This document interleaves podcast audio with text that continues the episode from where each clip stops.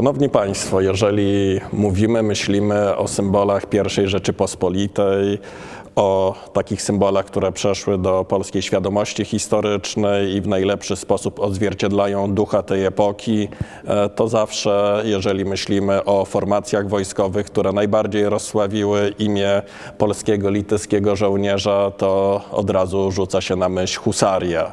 E, Husaria, skrzydlaci jeźdźcy, kopijnicy, e, ta wspaniała formacja jazdy, która zwyciężała na polach bitew pod Kirchholmem, pod Kłuszynem, e, Chocimiem czy też Wiedniem, e, do dzisiaj zajmuje poczesne miejsce w pamięci historycznej Polaków. Oczywiście husarz jawi się z reguły mm, jako jeździec zakuty e, w zbroję, jako jeździec z potężnymi skrzydłami wystającymi ponad głowę, który swoim impetem kruszył, impet, kruszył obronę przeciwnika.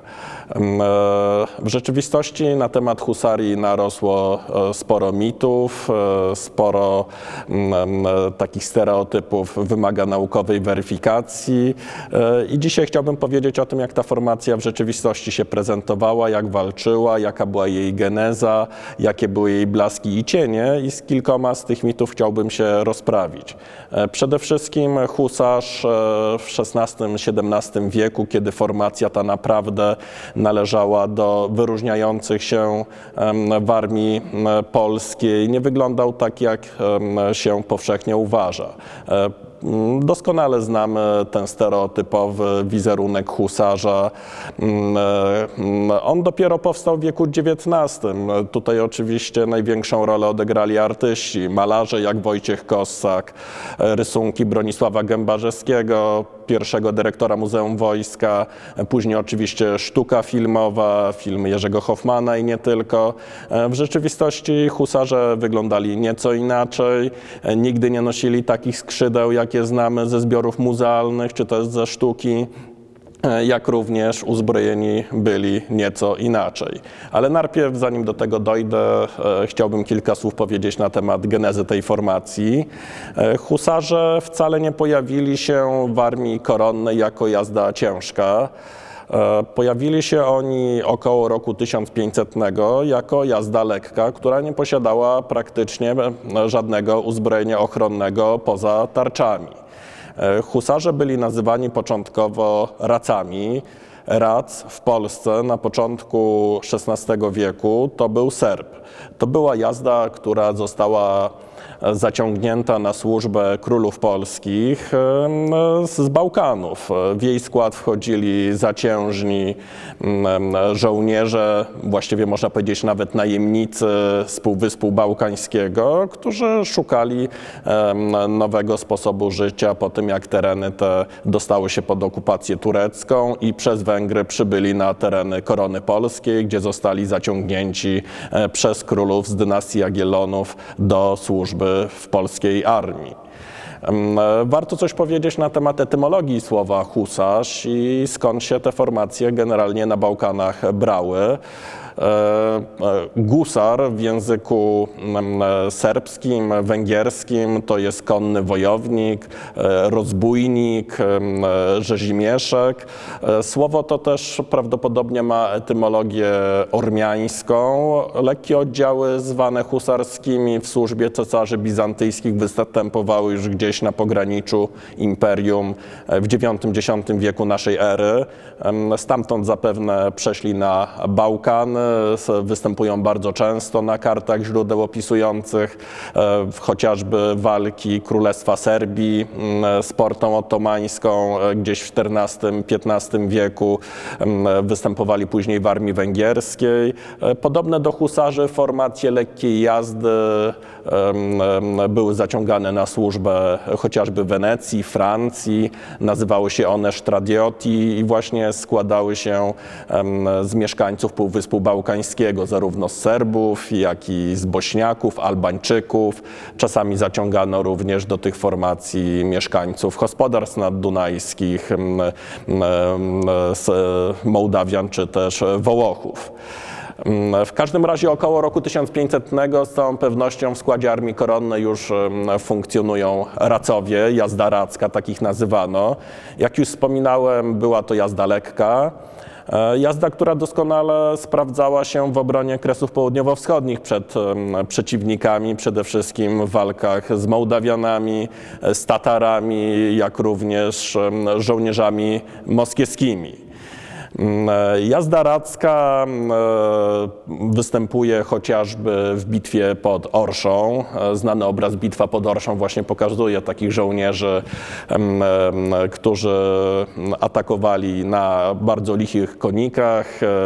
Uzbrojeni właśnie byli głównie w krótką kopię długości do 3 metrów. E, No i jak już wspominałem, e, główną częścią ich uzbrojenia ochronnego były takie nieforemne tarcze, zwane mm, przez mm, bronioznawców tarczami typu albańskiego, bałkańskiego. W pierwszych dekadach XVI wieku występują dwa typy husarii w armii koronnej, w obronie potocznej, bo to wtedy była taka podstawowa mm, część armii koronnej.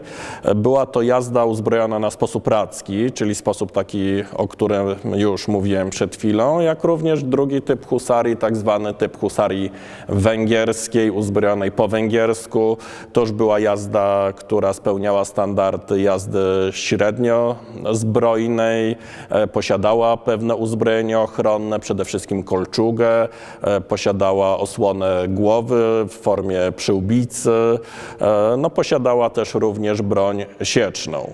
E, Z około roku 1528 już jazda radzka nie występuje w spisach armii koronnej.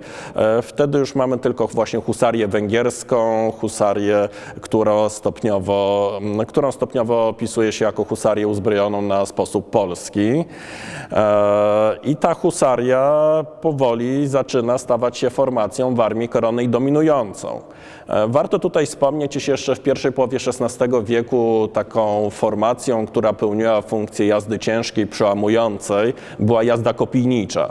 E, Jazda, która właściwie w wyglądzie, w uzbrojeniu niczym nie różniła się od kawalerii zachodnioeuropejskiej, która w późnym średniowieczu ciągle stanowiła najważniejszą formację wojskową, a dopiero w epoce wojen włoskich traci swoją dominację na rzecz piechoty. Jazda kopijnicza była uzbrojona w zbroje płytowe, pełne, mm, e, również atakowała przy pomocy kopii. E, Jazda kopijnicza doskonale sprawdzała się z przeciwnikiem walczącym na wzór zachodnioeuropejski. E, Wszelkie sukcesy w wojnie z zakonem krzyżackim od Grunwaldu począwszy były możliwe dzięki tej formacji. E, Niemniej rozwój terytorialny państwa Jagiellonów, e, przede wszystkim e, nowi przeciwnicy, którzy pojawiali się na kresach południowo-wschodnich, sprawiał, iż ta jazda powoli stawała się anachronizmem. Jeszcze w 1531 roku, kiedy hetman wielki koronny Jan Tarnowski pod Obertynem bił wojska gospodara mołdawskiego Piotra Raresz- Raresza, jazda kopijnicza ciągle stanowiła tą jazdę przełamującą, ale husarze wtedy już zdecydowanie liczebnie nad nią dominowali. E, Husarze w tym czasie stanowili już około 60% całej armii e, koronnej. E, Tutaj warto trochę powiedzieć o nowych badaniach pokazujących właśnie proces przekształcania się husarii z jazdy średniozbrojnej na jazdę ciężką. Jeszcze do niedawna uważano w ślad za badaniami wybitnych polskich historyków wojskowości Konstantego Górskiego, Jana Wimmera, iż kluczowy był rok 1576, kiedy Stefan Batory wydał takie ustawy, które określały standard uzbrojenia żołnierza armii kwarcianej i również wówczas zestandaryzowano uzbrojenie husarskie i do niedawna uważano, iż wtedy dopiero husaria ostatecznie staje się właśnie tą formacją e, typową dla jazdy ciężkiej. E, Tymczasem nowe badania najwybitniejszego żyjącego polskiego znawcy wojskowości XVI wieku, profesora Marka Plewczyńskiego, pokazują, iż ten proces dokonał się już znacznie wcześniej i husaria pewne elementy uzbrojenia ochronnego typowego dla jazdy ciężkiej, przede wszystkim kirysy, napierśniki, przyjmowała już od lat e, 40. wieku XVI. Zarówno rejestry strat wojskowych, popisy wojskowe pokazują, że już w latach 50., tak po 1556 roku, e, coraz więcej husarii nosi elementy zbroi płytowej, a na początku lat 60. XVI wieku nawet do 80% husarzy posiada już napierśniki. E, Oczywiście można zapytać, jakie były przyczyny, jakie były bodźce do tych przekształceń. E, Z pewnością tutaj zaważyło wiele czynników. E, Jak już mówiłem, jazda kopijnicza była nieprzystosowana do walk z przeciwnikiem, z jakim się stykano na wschodzie, na południowym wschodzie państwa Jagiellonów. Była zbyt ciężka, zbyt mało uniwersalna, zbyt mało mobilna, a poza tym zbyt droga w zaciągu i zbyt e, wiele problemów nastręczało zdobycie odpowiedniego uzbrojenia, zarówno zaczepnego, jak i ochronnego. E, Husarze świetnie nadawali się jako jazda średniozbrojna do walk z przeciwnikiem typu moskiewskiego, mołdawskiego. E, No niestety uzbrojenie ochronne, jakie husaria nosiła od lat 20. XVI wieku, przede wszystkim kolczugi, nie były odporne na ogień broni palnej. E, Od 1557 roku wojska polskie walczą w Inflantach z przeciwnikiem częściowo uzbrojonym na wzór zachodnioeuropejski.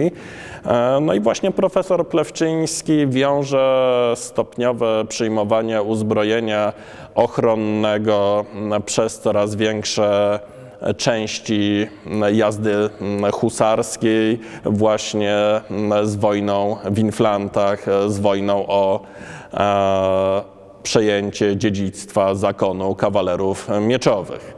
E, Czyli zatem należy już raczej, nie ma żadnych wątpliwości, iż em, husaria stała się jazdą ciężką już w latach 60. XVI wieku, a za czasów Batorego swoją pozycję zdecydowanie ugruntowała. E, Wspomniane prawo uchwalone przez Batorego, ta ustawa z 1576 roku, prawo wojskowe, które określ- określało standard uzbrojenia husarskiego, nic nie wspominało o skrzydłach husarskich. E, Skrzydła w tamtym okresie z całą pewnością nie były obligatoryjnym elementem mm, wyposażenia husarza. Natomiast coś, co powinno stać się symbolem em, em, husarskim, to było tak zwane drzewko. E, Każdy husarz w, w przeciwieństwie do innych formacji jazdy był wyposażony w kopię. E, Kopię, e, która miała długość nawet powyżej 6 metrów i kopię, która właśnie wzmacniała impet uderzenia tej jazdy. E, Ta kopia aż do początku XVIII wieku była elementem niezbędnym w wyposażeniu tej formacji jazdy. E, Oprócz kopii e, do standardu uzbrojenia husarskiego należał koncerz, e, taki bardzo wąski, można powiedzieć, element em, broni, to znaczy to była bardzo wąska broń sieczna, która służyła do ataku na przeciwnika po skruszeniu kopii, bo oczywiście kopie były elementem bardzo nietrwałym i po pierwszym natarciu na przeciwnika z reguły kopia ulegała zniszczeniu i wtedy husarze sięgali po koncerze. A oprócz koncerza oczywiście taki husarz pod siodłem trzymał również pałasz. To była pozostałość, to znaczy to była broń sieczna w typie dawnego obosiecznego miecza. No, no później pałasze od końca wieku XVI były wypierane przez szablę husarską, e, która była zdecydowanie łatwiejsza w operowaniu właśnie niż e, broń e, starsza i zdecydowanie lepiej sprawdzała się w kolejnych fazach bitwy. Do broni obronnej należały pistolety. Z reguły taki husarz przynajmniej powinien mieć takie dwa pistolety. E, No pistolet w epoce nowożytnej nie był bronią zbyt skuteczną. Em, e, Był on mm, w stanie oddać mm, celne strzały zaledwie na odległość kilku metrów.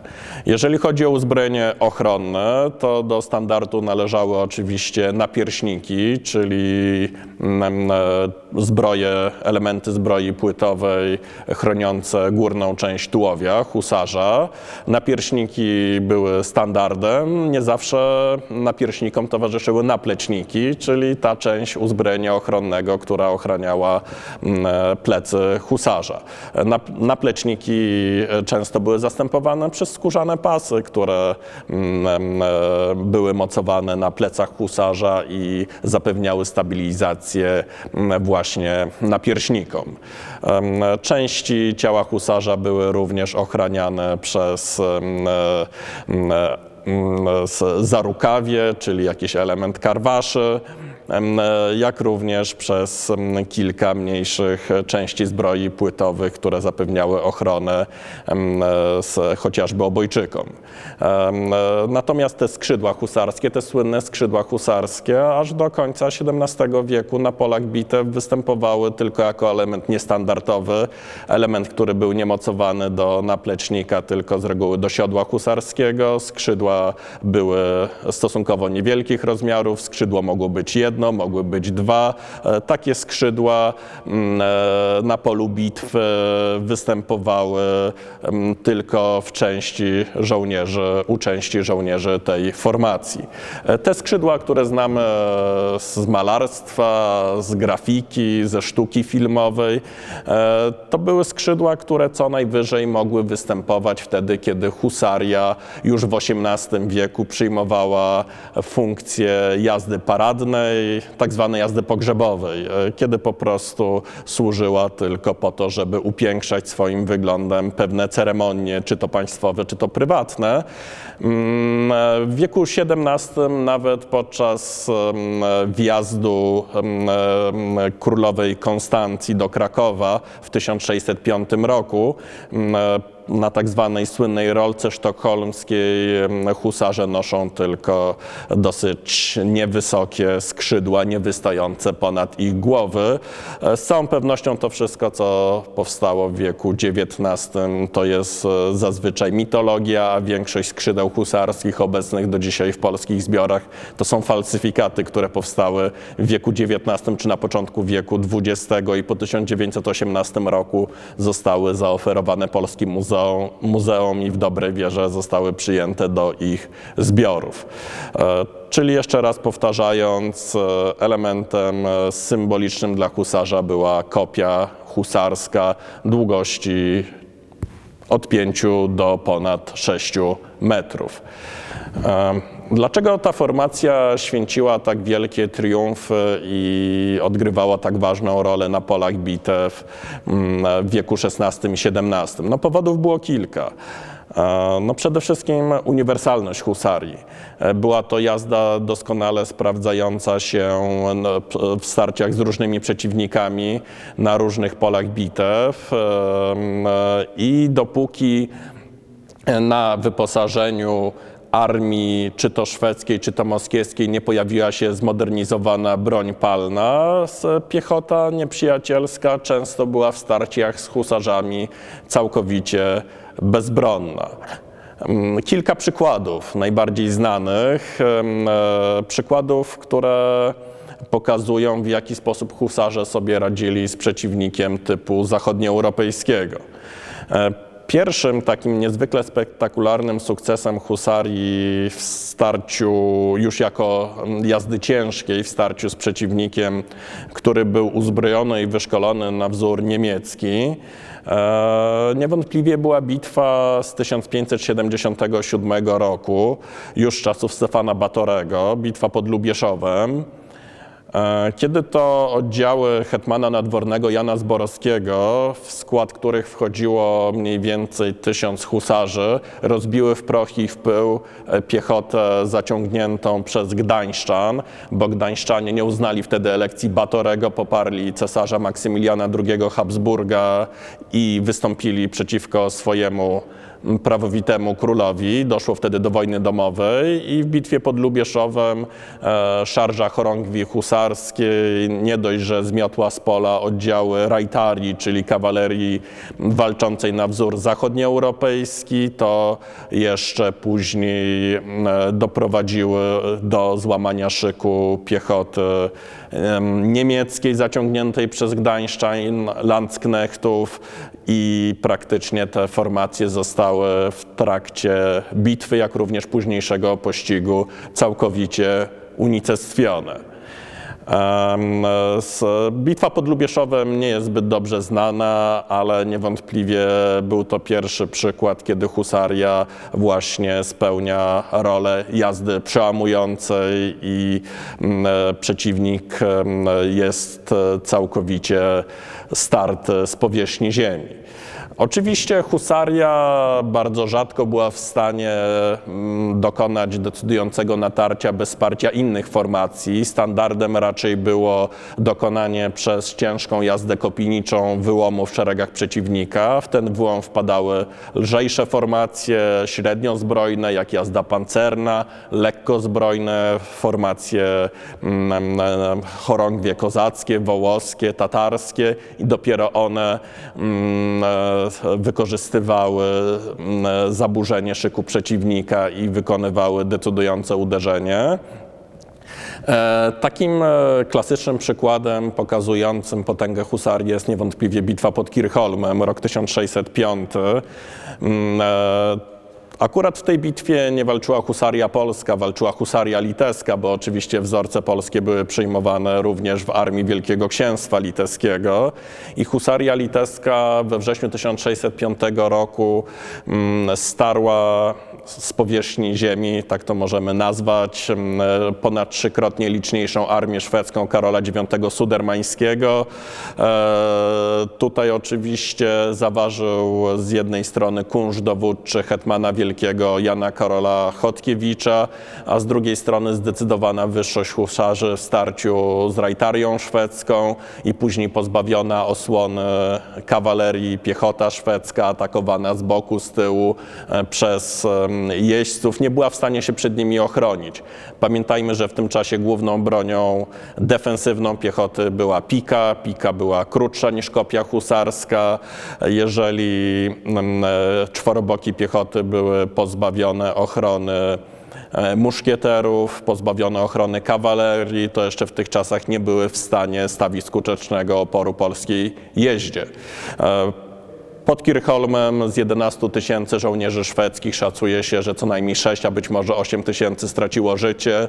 E, oczywiście nie głównie na skutek bezpośredniego natarcia husarii. To hus natarcie zostało poparte również oczywiście uderzeniami lżejszych formacji jazdy, a ostatecznie e, e, pogrom przeciwnika dokonał się podczas pościgu.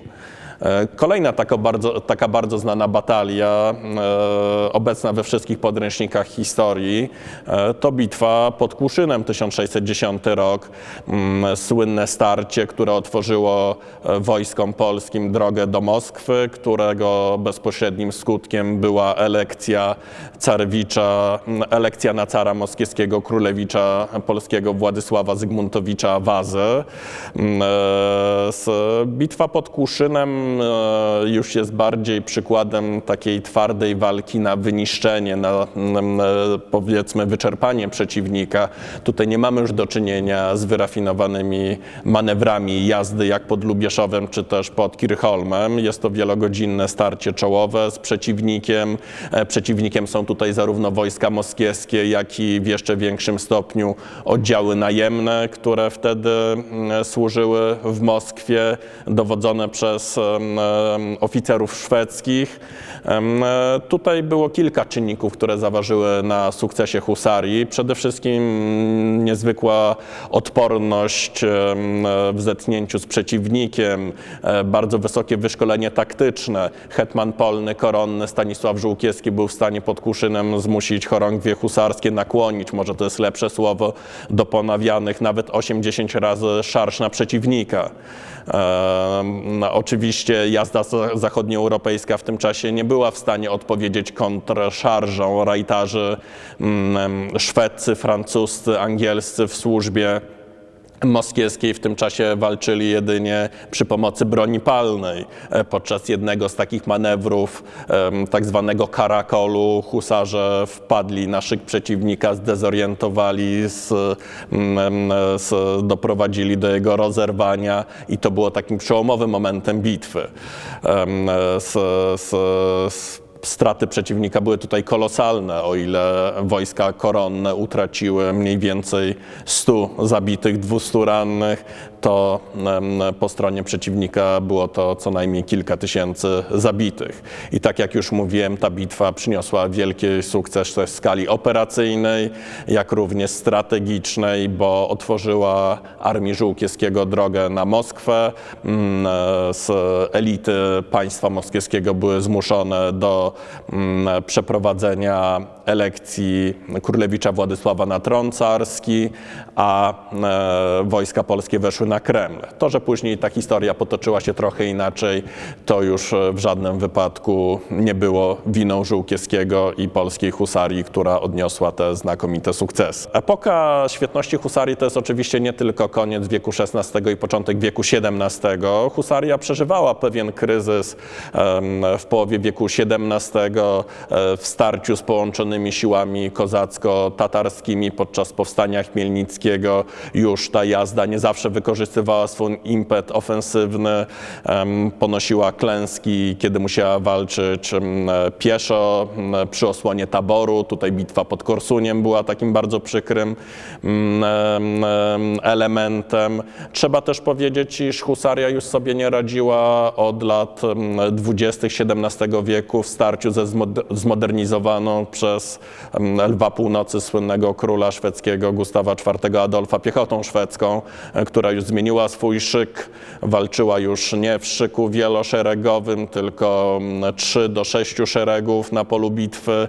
E, Piechota szwedzka tutaj tworzyła, e, to już były zdecydowanie lepsze muszkiety, zdecydowanie lepiej wykorzystywano zasadę ekonomii sił już nie dawano się pobić na otwartym polu polskiej jeździe. Już walki pod Gniewem w 1626 roku pokazały, iż piechota szwedzka jest dużo cięższym przeciwnikiem, a w czasie potopu szwedzkiego e, nawet słynna szarża w bitwie pod Warszawą w 1656 roku chociaż doprowadziła do złamania mm, em, pierwszego szyku przeciwnika, nie poparta przez natarcie innych oddziałów jazdy, przyniosła tylko ogromne straty i em, e, nie była sukcesem. Natomiast wielki benefis husaria przeżywa za czasów Jana III Sobieskiego. Sobieski nie walczył z przeciwnikiem typu zachodnioeuropejskiego. Po traktacie w Oliwie wojny polsko-szwedzkie na kilkadziesiąt lat ustały po 1660 roku. Natomiast głównym przeciwnikiem Sobieskiego byli Tatarzy, a później po 1672 roku Turcy. E, To husarii em, oręż Rzeczypospolitej zawdzięczał e, spektakularne, dwa największe spektakularne zwycięstwa drugiej połowy XVII wieku w bitwie pod Chocimem w roku 1673, a przede wszystkim bitwa wiedeńska 10 lat później, rok 1683. E, No to właśnie obecności polskich skrzydlatych jeźdźców, polskich kopijników domagali się dyplomaci austriacy, zawierając sojusz zaczepno-odporny z Sobieskim e, pod koniec marca 1683 roku. W składzie kontyngentu polskiego, który poszedł pod Wiedeń, husaria stanowiła znaczącą część. E, Sobieski na nowo rozbudował te formacje. E, Pod Wiedniem walczyło około 23 chorągwi husarskich, około 3 tysięcy kawalerzystów. No i to oni przeprowadzili decydujące uderzenie na wojska Kara Mustafy, które złamało szyk przeciwnika i zmusiło resztki jego wojsk na lewym skrzydle tureckim do odwrotu do obozu, a resztę sił tureckich do pospiesznej rejterady z pola bitwy. E, Tak jak już wspomniałem, epoka Sobieskiego to już był taki benefis husarii, można powiedzieć łabędzi śpiew tej formacji. E, Husaria w drugiej połowie XVII wieku potrafiła sobie radzić e, z przeciwnikiem reprezentującym wschodnioeuropejski styl prowadzenia walki, czy to z wojskami tureckimi. Natomiast była coraz mniej odporna na ogień broni palnej.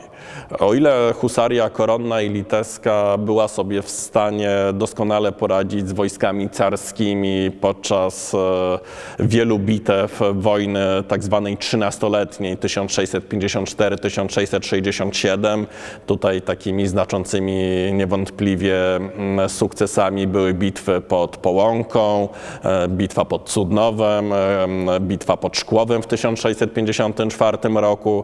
Wspominałem już o znakomitych sukcesach Sobieskiego, e, o Chocimiu, o Wiedniu. No to kiedy w 1700 roku wybuchła tak zwana Wielka Wojna Północna i kiedy na ziemię Rzeczypospolitej rok później wkroczyły wojska szwedzkie, to się okazało, że ta formacja już w starciu z przeciwnikiem dysponującym nowoczesną jak na tamte czasy bronią palną, tak zwaną bronią skałkową, dysponująca dobrą artylerią polową. W starciu z takim przeciwnikiem husarze już byli niemal z góry skazani na niepowodzenie. E, Lata wojny północnej, em, e, zaledwie dwie dekady po Wiedniu pokazały, iż armia Rzeczypospolitej powoli staje się anachroniczna i wymaga gruntownych reform. E, Często jako finis husarię, jako ostatni przykład takiej szarży husarskiej, która zakończyła się niepowodzeniem, przywoływana jest bitwa pod Kliszowem ze Szwedami w 1702 roku. Nie jest to przykład dobrze dobrany, bo pod Kliszowem e, husaria przeprowadziła praktycznie tylko takie starć, e, szarże, tylko takie natarcie pozorowane na e, oddziały przeciwnika, które miało być tylko rozpoznaniem walką. Natomiast ponieważ to natarcie nie zostało poparte mm, szarżą chorągwi średnich, średniozbrojnych, chorągwi lekkich, jak również tutaj dochodziły te względy polityczne. Hetman Wielki Koronny Hieronim Lubomirski wcale nie miał ochoty prowadzić e, do ostatniej kropli krwi walki w obronie tronu Augusta III Sasa. Wtedy husaria, jak również inne formacje polskie wycofały się z pola bitwy i nie kontynuowały walk ze Szwedami.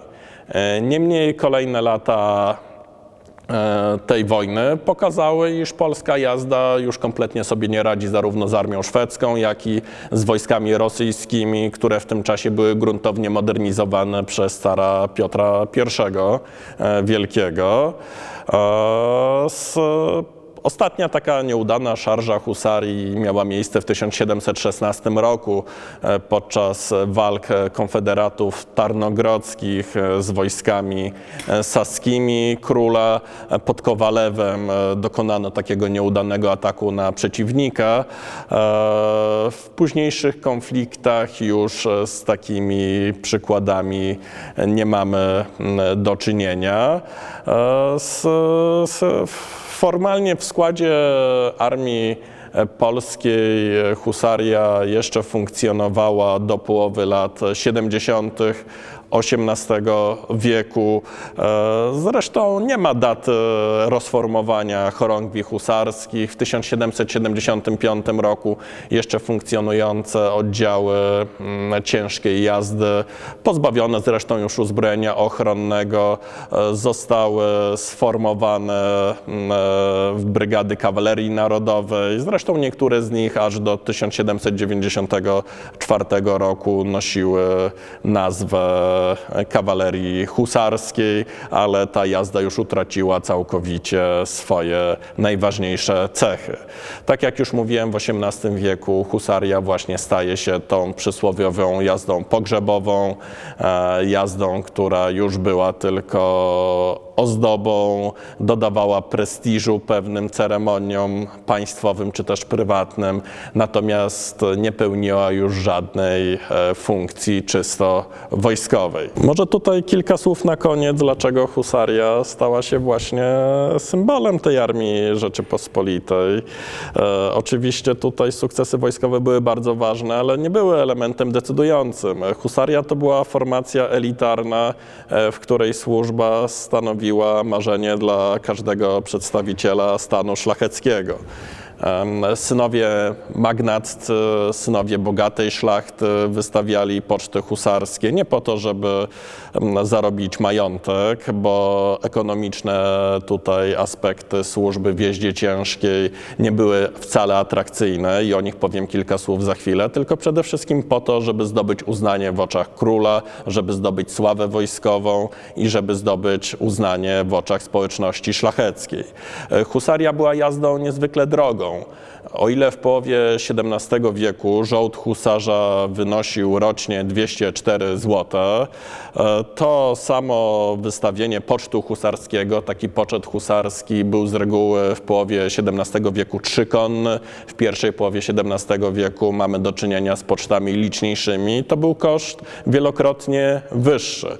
Pamiętnikarz Jan Władysław Poczobut-Odlanicki w 1659 roku zanotował, że kupując taki poczet husarski od swojego brata zapłacił 1600 zł.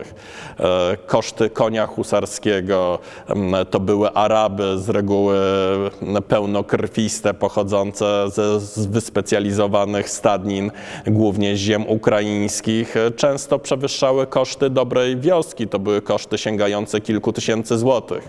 E, koszty uzbrojenia, E, koszty kirysu, koszty karaceny, takiej najbardziej wyrafinowanej, kunsztownej mm, e, formy mm, napierśnika, to były koszty sięgające kilkuset złotych. E, bardzo ciężko było w ogóle skompletować uzbrojenie husarskie, dlatego też zresztą w drugiej połowie XVII wieku liczba formacji husarskich w porównaniu do pierwszej połowy tego stulecia zdecydowanie spada.